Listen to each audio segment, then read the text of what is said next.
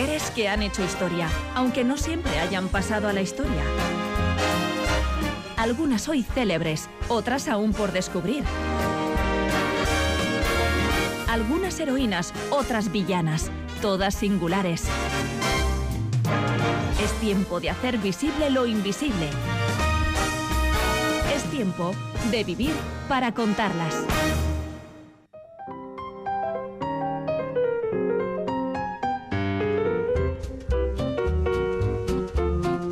El capítulo anterior repasamos la trayectoria vital y profesional de la escritora, periodista, guionista, libretista, actriz y bailarina francesa Colette, una mujer que, como apuntábamos, forma parte de una larga lista de creadoras cuya obra fue usurpada por sus maridos u otros varones de su entorno. Contaban con el talento suficiente para triunfar, pero su condición de mujeres la relegó en no pocos casos a la condición de meras musas de sus compañeros. Edurne Vaz, ¿qué tal? Hola. Hola, muy bien. Además fueron tratadas con injustificada condescendencia muchas de ellas tuvieron que renunciar ¿no? a sus sueños y a su impulso creativo.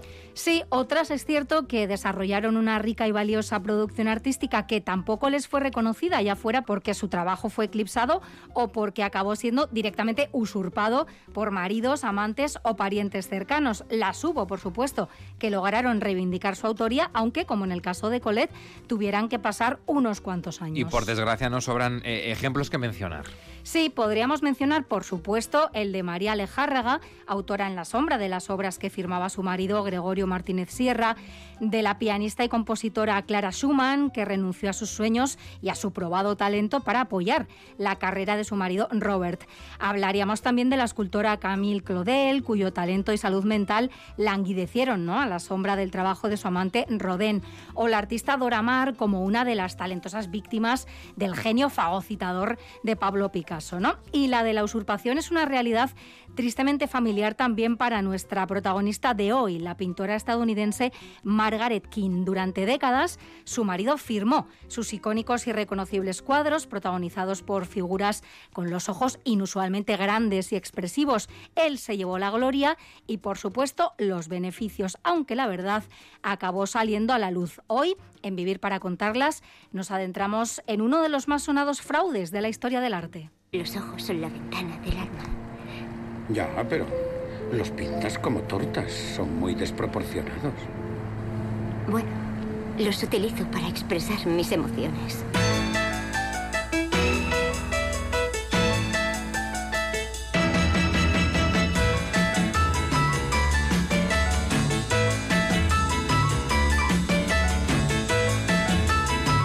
Pues vamos a empezar a trazar la historia de Margaret Doris Hawkins, que nació en Nashville, en Tennessee, el 15 de septiembre de 1927. Eh, ¿Cuándo y dónde empezó a sentir esa pasión por la pintura? ¿Dónde comenzó todo?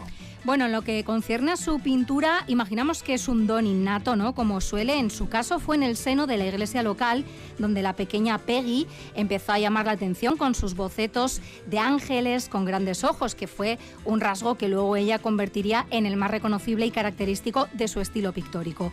En 1950, fruto de su primer matrimonio, dio a luz a su única hija, Jane, con la que unos años después huyó, dejando atrás una relación opresiva y agobiante en plena década de los 50, como imaginaréis, era muy poco eh, frecuente ¿no? que las mujeres, en la mayoría de los casos sin ingresos propios, ¿no? pues abandonaran a sus maridos por infelices que fueran. Pero Margaret decidió dejar atrás su antiguo hogar y con sus cuadros en el maletero y su hija pequeña en el asiento trasero, puso rumbo a San Francisco.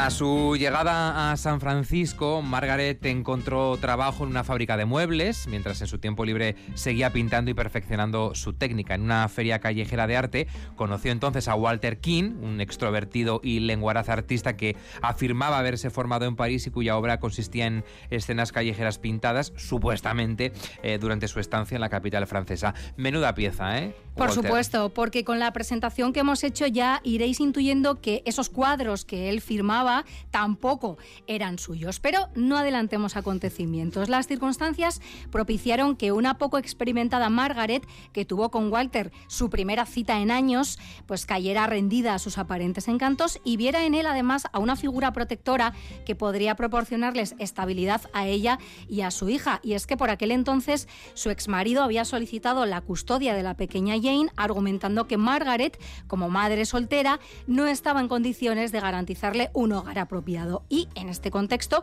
y tras una breve relación, aceptó la precipitada propuesta de matrimonio de Walter. Se casaron en 1955 y disfrutaron de un idílico viaje de novios en Hawái, un lugar que acabaría jugando un papel fundamental en la biografía de Margaret. Pero de nuevo, no adelantemos acontecimientos.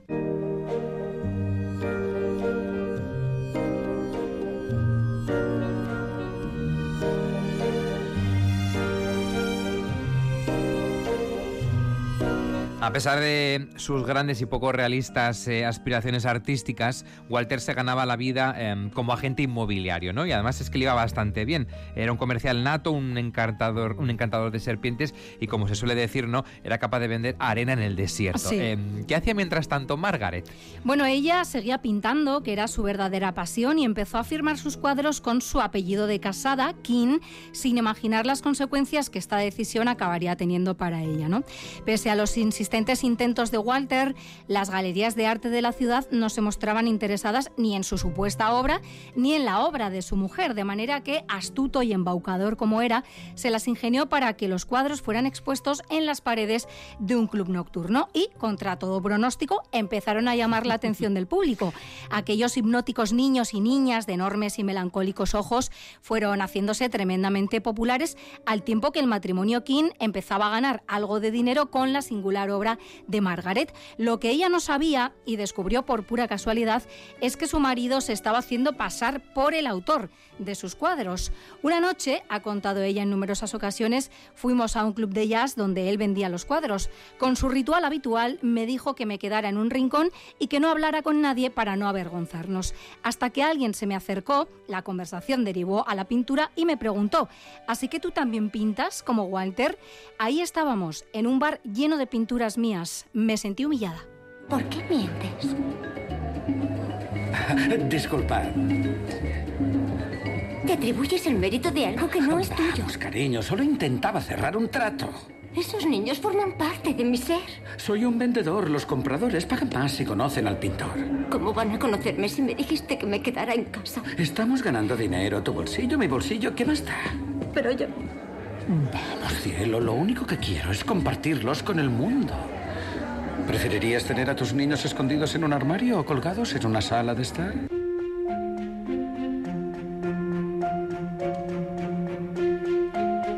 Así se retrata ¿no? aquel eh, duro momento eh, en la película de 2014 Big Eyes, que está dirigida por Tim Burton. La protagonizan Amy Adams y Christopher eh, Waltz. ¿Qué hizo Margaret cuando descubrió este engaño, ¿no? esa estafa o lo que le estaba haciendo su marido? Es decir, hacer pasar por suyos cuadros que había pintado ella. Bueno, como escuchábamos, se sintió muy dolida y, por supuesto, furiosa, ¿no? Pero Walter se justificó afirmando que necesitaban el dinero y que era demasiado tarde para echarse atrás, porque a fin de cuentas, todo el mundo pensaba ya que él era el autor de los cuadros. Y preocupada como unos años atrás por su futuro y el de su hija, pues Margaret aceptó la situación y se convirtió, con gran pesar, en cómplice silenciosa de un embuste cuyas proporciones todavía no era capaz de imaginar. Viendo la buena acogida que los cuadros de su mujer tenían, Walter abandonó el negocio inmobiliario y en 1960 abrió su propia galería. Las obras, en efecto, gustaban a los visitantes que, por otra parte, rara vez podían permitirse adquirir una. Y en ese contexto, Walter se percató de que los carteles que publicitaban la galería desaparecían de las calles de Los Ángeles nada más colgarlos, como lo hacían también las postales promocionales que tenía sobre el mostrador de la sala expositiva. ¿no? Así que, como no, empezó a cobrarlas y además de empezar también a reproducir masivamente los cuadros, dibujos y grabados de Margaret que acabaron vendiéndose en formato de lámina en establecimientos de todo tipo, incluidos los supermercados ¿no? Y con esta expansión y llegada de, los cuadros a todo el mundo, ¿no? De alguna forma podríamos decir que em, casi todos los hogares norteamericanos, ¿no? Em, acabarían siendo decorados con cuadros de, de Margaret King aunque los firmara eh, de Walter, ¿no? Claro, la Como firma muchos de nosotros tenemos el, el Guernica de Picasso en casa Exactamente. nos regalaba la caja provincial. Bueno. Pues en este caso... Sí, pero yo misma llegué a tener una lámina, por supuesto, no un cuadro, de King también cuando era adolescente. Bueno, se vivió una auténtica fiebre y además en su hábil uso del marketing y la promoción, Walter King se dedicó a regalar varios cuadros a diferentes líderes políticos o a celebridades y convocaba a tal efecto, por supuesto, a los medios de comunicación. Así que era un hacha, en este caso, de, la autopromoción y aprovechándose vilmente no solo del talento de su esposa, sino también de que ella era patológicamente tímida, pues usurpaba y disfrutaba la gloria y los beneficios económicos derivados del trabajo de Margaret, que como le ocurriera a Colette, se pasaba horas encerrada en su estudio trabajando sin descanso para seguir el ritmo de producción pictórica que su marido le imponía. y progresivamente no Walter fue aislando y debilitando a su mujer con las más depuradas técnicas del maltrato psicológico. Ella misma lo ha contado. ¿Con qué palabras? Sí, ella ha contado, yo era extremadamente introvertida y solo me hacía feliz pintar y se aprovechó de eso. Antes de salir de casa me decía cosas como estás horrible o si teníamos una cita estás mejor con la boca cerrada. Pasaba los días encerrada en casa, tardé un par de años en darme cuenta de lo que estaba haciendo, ¿no? Y Walter efectivamente no permitía a Margaret distracciones de ningún tipo que pudieran ralentizar su productividad, la aisló socialmente como hace todo buen maltratador, ¿no? psicológico y si él salía, cosa que hacía con frecuencia, llamaba por teléfono para asegurarse de que ella estaba trabajando en casa, en esa gran mansión con piscina que Walter había comprado, no hace falta decirlo, con el dinero mm, de los cuadros de Margaret, ¿no? Y en su estudio, cerrado a calicanto con las cortinas corridas, la pintora pasaba 16 horas al día tranquilamente, completamente sola. Todo el mundo, incluida su hija Jane, tenía prohibido entrar en aquella estancia que al final custodiaba el gran secreto de los King, ¿no? Y tener que mentir a su propia hija, a la que siempre había estado tan unida, fue lo que más dolor le causó a Margaret. Recuerdo cuando mamá pintó ese. ¿Estás segura? Sería hace mucho tiempo. Estoy segura. Fue en nuestro apartamento y me senté en el taburete de la cocina. No, cariño, estás confundida. Lo pinté yo. No, fue mamá y llevó mi vestido azul. Muchas niñas tienen ese vestido. Tienes buen ojo. Lo pinté yo, pero intentaba emular el estilo de tu madre. Me refiero al estilo con el que pintaba. Pues se te ha dado muy bien.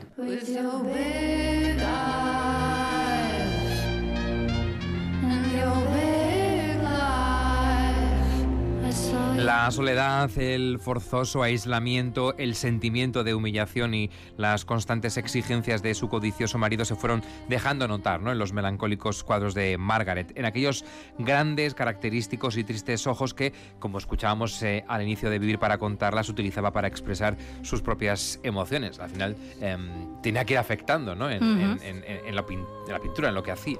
Ella, forma, ¿no? mm, como escuchábamos al principio, pues ya decía, ¿no? Que los ojos eran la ventana del alma y claro, ella estaba pasando pues por un calvario, ¿no? Y su estilo hay que decir que no era del gusto de los críticos de arte, que lo encontraban tremendamente kitsch, pero en cambio hacía las delicias del gran público, como antes apuntábamos. El mismísimo Andy Warhol argumentó, tiene que ser bueno, si fuera malo no le gustaría a tanta gente y si de algo sabía Warhol era de cultura pop y de los resortes de la fama.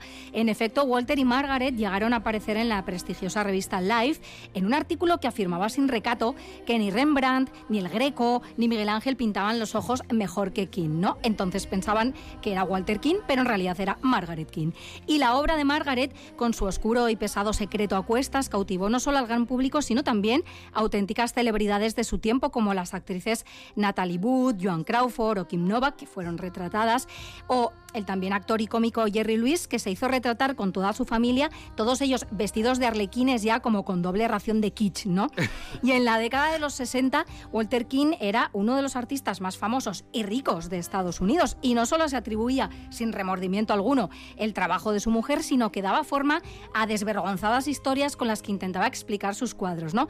La más bochornosa probablemente sea la que sostenía que había empezado a pintar a aquellos niños de grandes y tristes ojos tras contemplar a los desvalidos niños en el Berlín de los años 40, ya devastado por la Segunda Guerra Mundial. Vamos, no tenía vergüenza Ujeta. ni la conocía.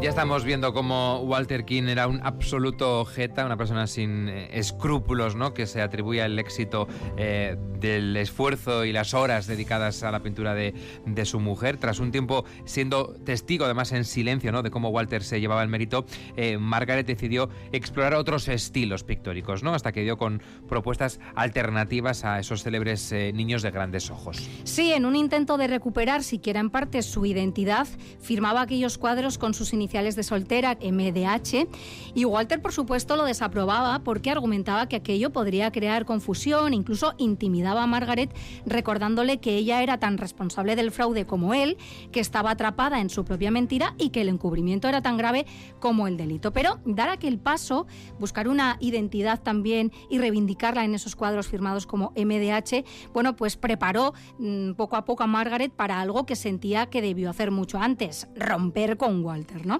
Y furioso ante la posibilidad de perder a su gallina de los huevos de oro, este hombre ya mostró de forma más explícita que nunca su verdadero rostro, porque amenazó con matarla a ella y a su hija si se atrevía a hacer pública la verdad. Pero ya llegaba tarde porque Margaret había llegado al límite de su paciencia. Se divorciaron en 1965 y de nuevo acompañada por su hija puso tierra de por medio, eligió como destino un significativo lugar, Hawái, que fue, mm, como recordaréis, donde ella había pasado su luna de miel.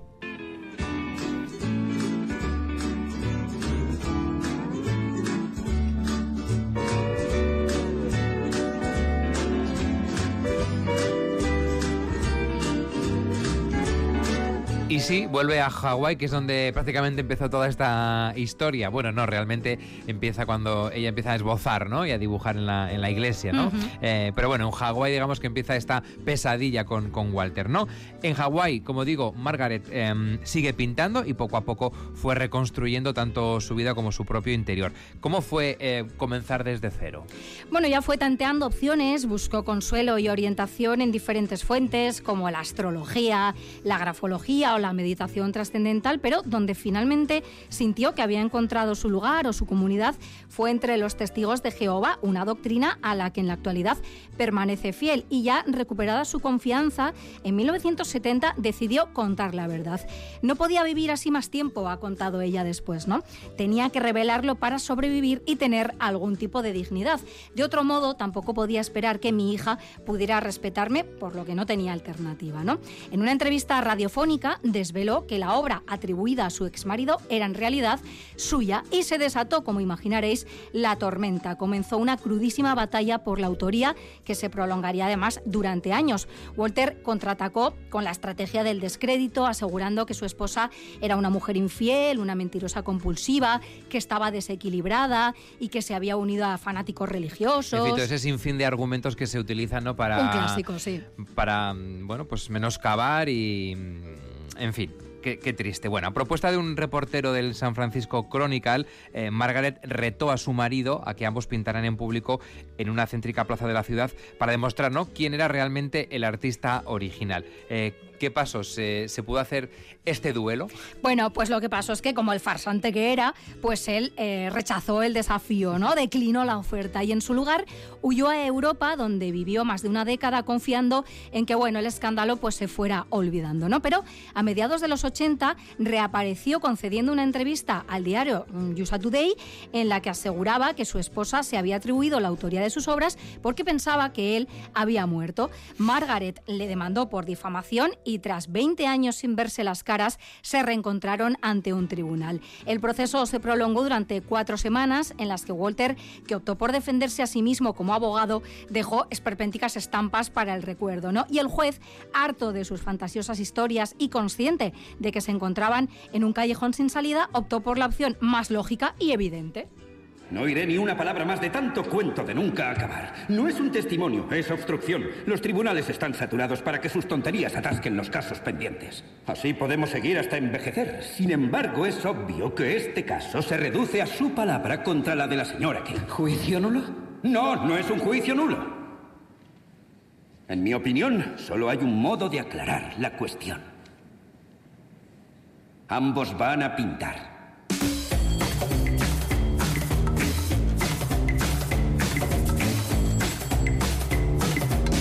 Así que ese duelo al que le retó Margaret en el eh, periódico y que no se produjo porque él dijo no, no, no, no, eh, al final tuvo que hacerse ¿no? por, por mandato eh, de la justicia. ¿no? Por lo tanto, se dispusieron dos caballetes, uno a cada lado de la sala, y se les concedió una hora para pintar. Sí, en solo 53 minutos Margaret dio forma a una de sus características reconocibles y representativas figuras de grandes ojos y el lienzo de Walter, por supuesto, quedó inmaculado según su ridícula argumentación, porque tenía una lesión en el hombro que le impedía pintar. Tenía salidas para todo. Por supuesto, pero todas ellas bastante ridículas, ¿no? y lo que le dolía realmente a este hombre era la cara de ser tanjeta, ¿no? Fue condenado a pagar a Margaret 4 millones de dólares por daños morales y menoscabo a su reputación, aunque ella, como seguro imaginaréis ya, no vio un céntimo, porque Walter, que tenía serios problemas de alcoholismo, había dilapidado toda su fortuna. Yo no aspiraba a eso, ha contado ella después, tan solo quería que el mundo supiera que esos eran mis cuadros.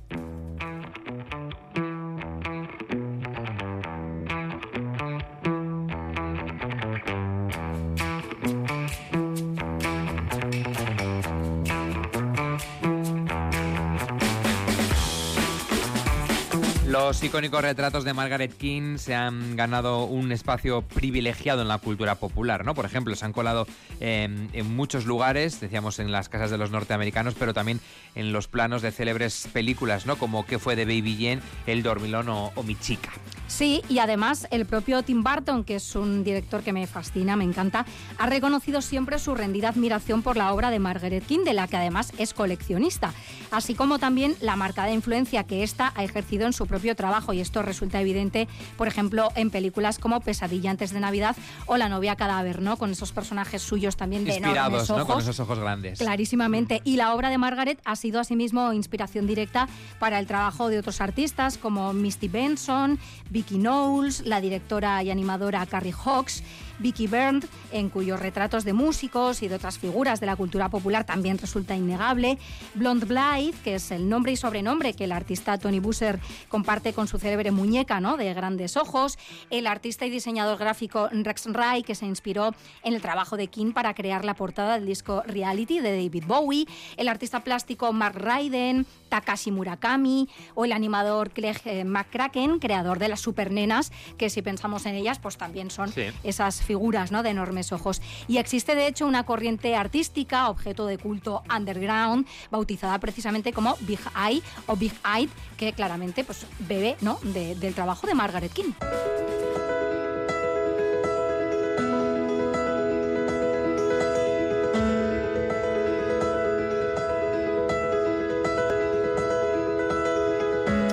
Pese a que, según ha declarado ella misma, pensó que jamás sería capaz de volverse a enamorar, porque eh, lo que le ha ocurrido, lo que le ocurrió con, con su marido, pues eh, evidentemente Le es un desengaño muy importante. Bueno, pues a pesar de todo eso, eh, Margaret King se casó con Dan McGuire, un comentarista deportivo al que conoció en Hawái.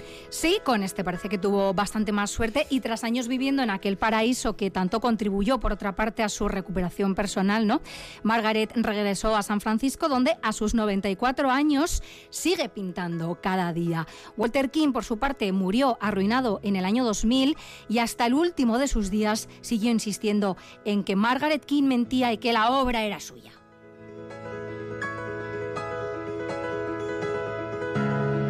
Hemos visto como eh, Hawái en esta historia son la- las tres vidas de Margaret King, ¿no? Sí. Donde comienza la estafa, donde reinicia su vida y donde, bueno, pues acaba con, con un nuevo amor, ¿no? Y quitándose esas espinas del, del desengaño tan importante que sufrió con Walter King. Bueno, lo importante es que tiene 94 años, ve reconocida su obra eh, y, bueno, pues eh, es una historia que acaba bien, pero que, que como la de Colette, ¿no? Pues eh, hay otras tantas mujeres que no pudieron conseguir eso, ¿no? Que su trabajo fuese reconocido, ¿no? Que ya sean las que estaban horas y horas y horas pintando, em, escribiendo. Esclavizadas. En cualquier caso eran esclavizadas, ¿no?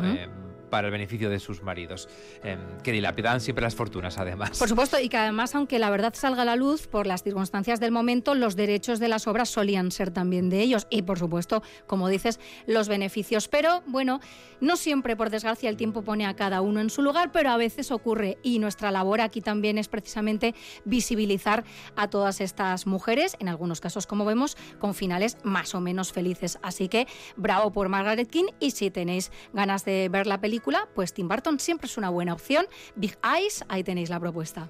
En Vivir para contarlas hoy, Margaret King. Es que ricasco Edurne. Es Orgatic, Agur.